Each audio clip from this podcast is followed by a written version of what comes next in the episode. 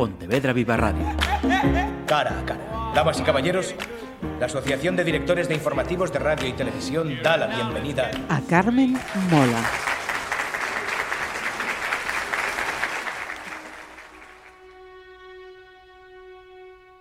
El infierno. Primer círculo. ¿Quieres ser tan poderoso como la reina? Nunca vas a tener palacios ni joyas o ejércitos, pero sí puedes ser como ella. Incluso más. Quítale la vida a alguien, a un gato, a uno de esos ropavejeros que no saben ni su nombre. Quítasela despacio, que sepa que te la estás llevando, y en su mirada verás que en ese momento, para esa persona, eres más que la reina, eres más que Dios. Estábamos sentados en las escaleras de la iglesia de San Sebastián. Dos niños de unos 10 o 12 años, nunca he sabido con exactitud en qué año nací, que esperaban la salida de misa para pedir unas monedas. Fantaseábamos con abandonar los harapos de huérfanos y no solo tener un plato de comida caliente al día, sino un carruaje tirado por caballos árabes, un castillo, un país, cuando él, con la mirada traviesa, me confesó cómo podría ser aún más grande que la reina. Mi memoria ha regresado muchas veces a aquel Madrid que boqueaba exhausto tras el cólera, mísero y sucio, arrastrándose a los pies de unos pocos que refulgían como emperadores bañados en oro. Aquellas palabras. Habrían de pasar muchos años hasta entender que no tenían nada de inofensivo. Mi mirada, errática y equivocada, me sacó de aquel Madrid. Me dejó olvidado en un convento de Calatrava donde, a pesar de los monjes, fieras que usaban a aquel niño y después adolescente como a un mulo de carga, aprendí las letras y a tener el valor necesario para huir. Todavía era ajeno a que ese sería el signo de mis días, la huida, siempre inútil, porque el cobarde nunca logra escapar del todo, y yo no soy otra cosa que un cobarde al que persiguen el miedo y la culpa, como ese ojo sin párpado del relato de Filaret Charles, pegado a mi espalda, observándome. No pretendo erigirme en protagonista de nada, ni siquiera del viaje al infierno que es mi vida. No merece la pena detallar las vicisitudes que me trajeron a esta isla de las Antillas, como tampoco importa mi nombre. Hay tantos nombres que algunos los quiero olvidar, y los que recuerdo prefiero omitirlos. Me falta el valor ciego de los héroes, ese que no mide las consecuencias. Solo consignaré uno aquí, Santa Catalina de Baracoa, un nombre que también es una historia, la de un navío, un barco fantasma que fue hallado en 1852 en la ensenada de Cochinos, en Cuba. Según contaban, dos pescadores criollos y analfabetos de la ciénaga de Zapata fueron quienes lo encontraron, Anatael y su hijo Bardo. Decidí buscarlos, averiguar si podía haber alguna relación entre ese barco fantasma y el lugar que había destruido mi vida. Conocí a Bardo en una choza insalubre donde el joven pescador se había instalado lejos del mar, todavía atemorizado, como si viviera en la mañana posterior a la pesadilla. Me dijo que ese mismo miedo fue lo que se llevó la vida de su padre, que si pudiera abandonaría Cuba, que cualquier rincón del mundo sería mejor que esta isla donde habita el demonio. Pensé contestarle que cuando el demonio pisa tu sombra no hay donde huir, pero de nada habría servido avivar las brasas de su terror. Bardo se encontró con su padre en la playa larga, en el alba de un día de junio de 1852. Anatael ya había preparado las redes. Como a muchas otras mañanas, el chico llegaba tarde. La noche anterior se había dejado llevar por el baile y el aguardiente en una tienda de adobe donde los jamones y chorizos colgados del techo hacían el aire tan espeso como la leche. Esa mañana en la que el sol se resistía a despuntar, y nunca lo hizo, me dijo Bardo, como si el astro hubiera preferido no ver lo que sucedía a sus pies, no quiso discutir con su padre y encajó en silencio los reproches. Todavía no habían superado el primer gallo cuando vieron aparecer una barca. Cabeceaba encallada entre los corales que bordean el este de la bahía, ocultos y peligrosos para cualquier navegante extraño, y eso fue lo primero que pensaron cuando llegaron hasta ella. Abandonada, rota en el costado de babor, supusieron algún naufragio, que sus ocupantes habrían saltado al mar. La tierra no estaba lejos y se podía alcanzar a nado. Pero, ¿de dónde venía esa barca? En la aleta leyeron una inscripción, Santa Catalina. Yanatael aventuró, con acierto, que esa barca bien podría ser el bote de salvamento de algunos de los clippers que, a veces, cuarecidos por la noche, atracaban en esas playas a las que nadie prestaba atención para entregar una mercancía prohibida. Debimos dar la vuelta entonces, se lamentaba Bardo cuando estuve con él. Una vez en la aldea, habrían buscado a un guardia civil, alguna autoridad a la que transmitir el hallazgo y, así, salir de esta historia como unos actores secundarios. Pero no lo hicieron. Se adentraron en el mar de las Antillas porque su padre estaba decidido a no regresar hasta que llenaran las redes de pargos o de tilapias rojas. La silueta del Santa Catalina se dibujó como una grieta en el muro gris que era el cielo aquella mañana. Remaron hasta el pecio, un clipper de tres palos, con velas cuadradas y al menos 45 metros de eslora, un verdadero galgo. Aunque ya estaban de moda los barcos propulsados a vapor, los clippers mantenían su vieja dignidad a la hora de cruzar el Atlántico. La elegancia del Santa Catalina se desvaneció cuando estuvieron más cerca. El palo mesana quebrado, las velas rasgadas incapaces de cobijar al viento y un silencio absoluto mientras trepaban por la escalerilla. Un silencio opresivo y preñado del olor a carne putrefacta. Bardo se tapó la nariz y la boca nada más pisar la cubierta. ¿De dónde venía el hedor? Ni siquiera el mar era capaz de taparlo. Se imponía a todas las cosas. Ácido y penetrante se clavaba dentro de él. A Natael, sin embargo, parecía no afectarle. Gritaba de un lado a otro mientras recorría una cubierta desierta y herida por una supuesta tormenta, sin rastro de tripulación. Las velas caídas entre los palos mayores estaban teñidas de rojo y al levantarlas, Bardo descubrió la fuente de la pestilencia. Cuerpos blancos se amontonaban con los de algunos negros semidesnudos. Diez, quizá más, me dijo Bardo. No llegó a contarlos. Todos tiznados de sangre reseca. Las heridas abiertas de cuchillos, de disparos, verdeaban como la fruta que revela la podredumbre interior a través de una aureola de su piel. Se apartó entre náuseas y buscó con la mirada la paz en el mar. Un motín, le dijo su padre. El Santa Catalina tal vez transportaba esclavos. No sería el primero que depositaba esa mercancía en la bahía de Cochinos, aunque ambos sabían que 10 o 12 negros no podían ser toda la carga de un clipper como ese.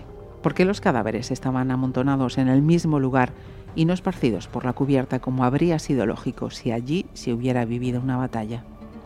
Buscaron algún superviviente.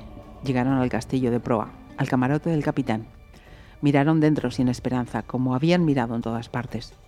El naufragio parecía haber afectado también a los objetos. Un catalejo, un mapa, la mesa, estaban preparados para sumergirse en las aguas y dejarse amortajar por los corales, para que los peces fueran sus nuevos dueños. No mires, le dijo su padre, pero Bardo, como siempre que oímos una orden así, hizo lo contrario. En una silla, atado a los reposabrazos, estaba el capitán. Así lo atestiguaba su indumentaria. En un primer vistazo, Bardo pensó que estaba vivo. Sus ojos abiertos, su rictus, no eran los de un cadáver, sino más bien los del enfermo, que pone toda su energía para contener el dolor. Un hilo de sangre le caía por la frente. Vete, sal de aquí, le ordenó a Natael, y le habría gustado hacerlo, pero su cuerpo no obedecía. Al capitán le habían arrancado la tapa del cráneo.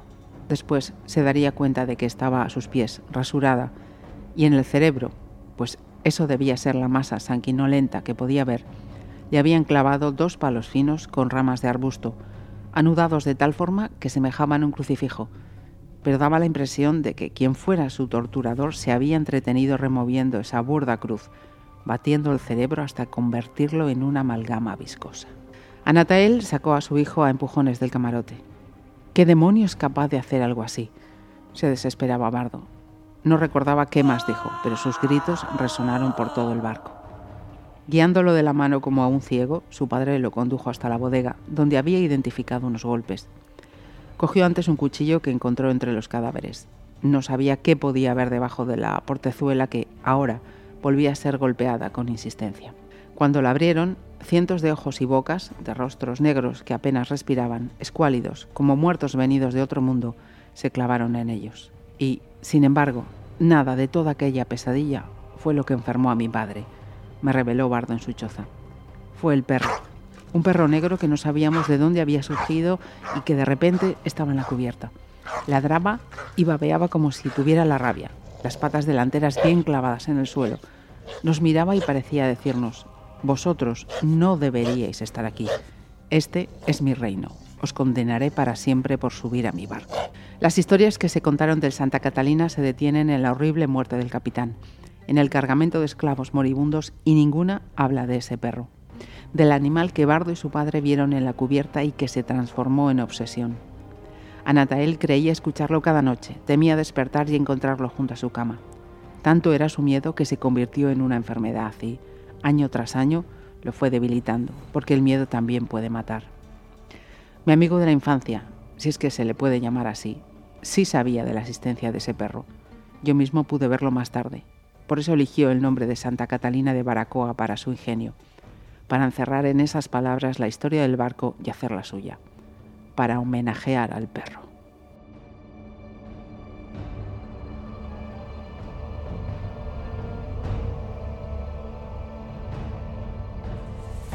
Antonio Mercero, Jorge Díaz y Agustín Martínez, o de forma conjunta, Carmen Mola, eh, siguen promocionando su último título, El Infierno. Una promoción, por cierto, que, que se ha demorado en Galicia, no por ellos, sino porque esa sucesión de temporales que hemos tenido los obligó a posponerla. Así que bienvenidos por fin a, a, esta tierra. Muchas gracias, estamos felices de estar aquí, por fin. El infierno lleva al siglo XIX de nuevo, al Madrid que se subleva contra Isabel II y a la Cuba colonial y esclavista.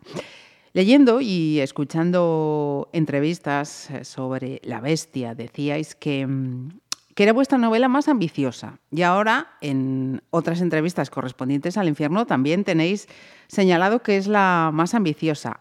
¿Esto significa que os vais superando a vosotros mismos? Bueno, eso es lo que intentamos, ponernos lo difícil a nosotros mismos, añadir a nuestros géneros algo nuevo. En este caso volvemos a un poco por la senda de la bestia, al thriller histórico, pero le estamos añadiendo una historia de amor, una historia de amor que es protagonista del relato entre una bailarina de, del teatro de variedades y un estudiante gallego de medicina, que es un joven revolucionario. Esto es una novedad para nosotros en Carmen Mola y además a la exploración del siglo XIX que hicimos con La Bestia le añadimos un poquito más porque nos vamos a la Cuba colonial a, contar o a denunciar también un poco de paso que España fue una potencia esclavista y que fue de hecho el último país europeo en abolir la esclavitud. Así que nuestros dos personajes protagonistas, nuestros dos amantes, van a recorrer una parte de la España revolucionaria del 19 y se van a dar de bruces con la esclavitud que, todavía funcionaba en Cuba. Eh, como bien decías ahora, habéis añadido ese ingrediente historia amorosa, que yo diría que hay más que una, más de una, pero bueno, esa es la protagonista. ¿Esto significa que eh, habéis descubierto para quedarse otra faceta más de Carmen Mola? Bueno, significa que hemos incorporado una más y, y que eh, además nos, nos, marcamos el reto de en la próxima novela eh, meter todavía una más, ¿no? Y que no sé cuál será, porque ya no sé qué géneros nos quedan, porque en este no solo es el folletín, este decimonónico el que hemos metido, eh, también hay una parte de novela gótica, ¿no? Uh -huh. Con, con eh, los, los, el manuscrito que aparece. También hay una parte casi de western, con los esclavos huyendo, los cimarrones huyendo uh -huh. al palenque y los cazarrecompensas que llamaban ranseadores. Eh, eh, y bueno, lo de nos, nos, lo hemos pasado muy bien haciendo el folletín, ¿no? Haciendo la, la historia de amor, esa historia de amor apasionada entre la bailarina y el joven estudiante, joven estudiante gallego, no nos olvidemos que sí, estamos... Tengo una referencia luego, sí. que estamos en su tierra. Eh, entonces, bueno, es posible que, que, volvamos por ahí, pero también es posible que lo hagamos de otra manera, que procuremos eh, marcarnos el reto en la próxima de a ver si salimos también vivos de, de lo siguiente que hagamos. Uh -huh. Pero pero bueno, eh, habrá, habrá historias de amor porque una de las cosas que aprendes cuando te dedicas a escribir y cuando llevas ya mucho tiempo escribiendo es que no hay ninguna historia que no tenga detrás su historia de amor. Ajá. Eh, que se diga al más puro estilo, Carmen Mola, y que el público lector sepa qué le están diciendo sobre lo que va a leer, ¿cómo le hace sentir a Carmen Mola? Bueno, la verdad que, que, que, exista el calificativo de estilo Carmen Mola ya me parece una barbaridad. es algo que desde luego no, no pensamos en, en, en, el inicio, cuando estábamos escribiendo la, la, novia gitana, pero bueno, es un hecho que a lo largo de estas seis novelas, de cantidad de lectores que nos han ido siguiendo, se ha ido estableciendo este género, este estilo de, de Carmen Mola y lo que el lector espera de una novela de, de Carmen Mola que yo creo que eso sí se mantiene más o menos inmutable desde el principio. Nosotros desde el principio quisimos escribir una novela muy entretenida, que engancharan al lector, que una vez que entre en ellas ya no sea capaz de, soltarlas. Y luego también mm, tratamos al lector de, tú a tú, es decir, no, no somos nada paternalistas con, con, él. Y cuando nos metemos en historias en las que hay violencia, pues el lector sabe que esa violencia puede llegar muy lejos y que también intentamos sorprender en, cada una de, nuestras historias. Y entonces ahí entra en juego pues determinados giros en los que los personajes quizá no lleguen al final de la novela, que quizá cuando lleguen a un momento de peligro pues eh, no se salven. Ese tipo de cosas pueden pasar en una novela de, Carmen Mola. Pero yo creo que por encima de todo, ya te digo, está esta sensación de entretenimiento y de enganche que generan nuestras novelas. Hemos hecho alusión a Galicia y ese personaje pues, fundamental de esta novela, Mauro Mosqueira, o, hay un Manuel Tomé nacido en Agodela, una aldea cerca de Pontevedra. ¿Hay algún vínculo, motivación que una a Carmen Mola con esa Agodela que aquí todos le hemos puesto nombre, como le llamáis en el infierno? Bueno, no, no hay un vínculo así de nosotros como escritores con Galicia, no hay ningún vínculo concreto. Lo que pasa es que en esta novela, cuando investigamos sobre el siglo XIX, en los años 60 del siglo XIX, una vez que descubrimos que en Cuba todavía había esclavos y que muchos de ellos eran gallegos, porque se los llevó Urbano Feijo de Sotomayor, un armador gallego en el siglo XIX, a la isla bajo la promesa de la figura del colón asalariado para trabajar en las plantaciones de azúcar. era un poco de estafa, ¿no? Porque ellos acudían, huían de la miseria de, de la España de entonces, porque había una crisis económica muy fuerte y viajaban con el sueño de volver como indianos ricos o al menos de encontrar algo de alivio y de prosperidad y al final resulta que terminaban esclavizados como los africanos o como los chinos eh, en las plantaciones de azúcar de allí. Entonces nos interesaba mucho que uno de los protagonistas fuera gallego le, colocamos en la aldea de Chao como lugar. Aprovechamos para contar también el caciquismo del siglo XIX en las aldeas y, luego lo, enfrentamos directamente con el problema de la esclavitud porque Mauro Mosqueira y Tomás Cascabelos, que es el otro Tomasiño, el otro gallego que, viaja hacia allí, eh, bueno, pues eh, se convierten en dos esclavos más y se enfrentan con, con, esa, con esa realidad.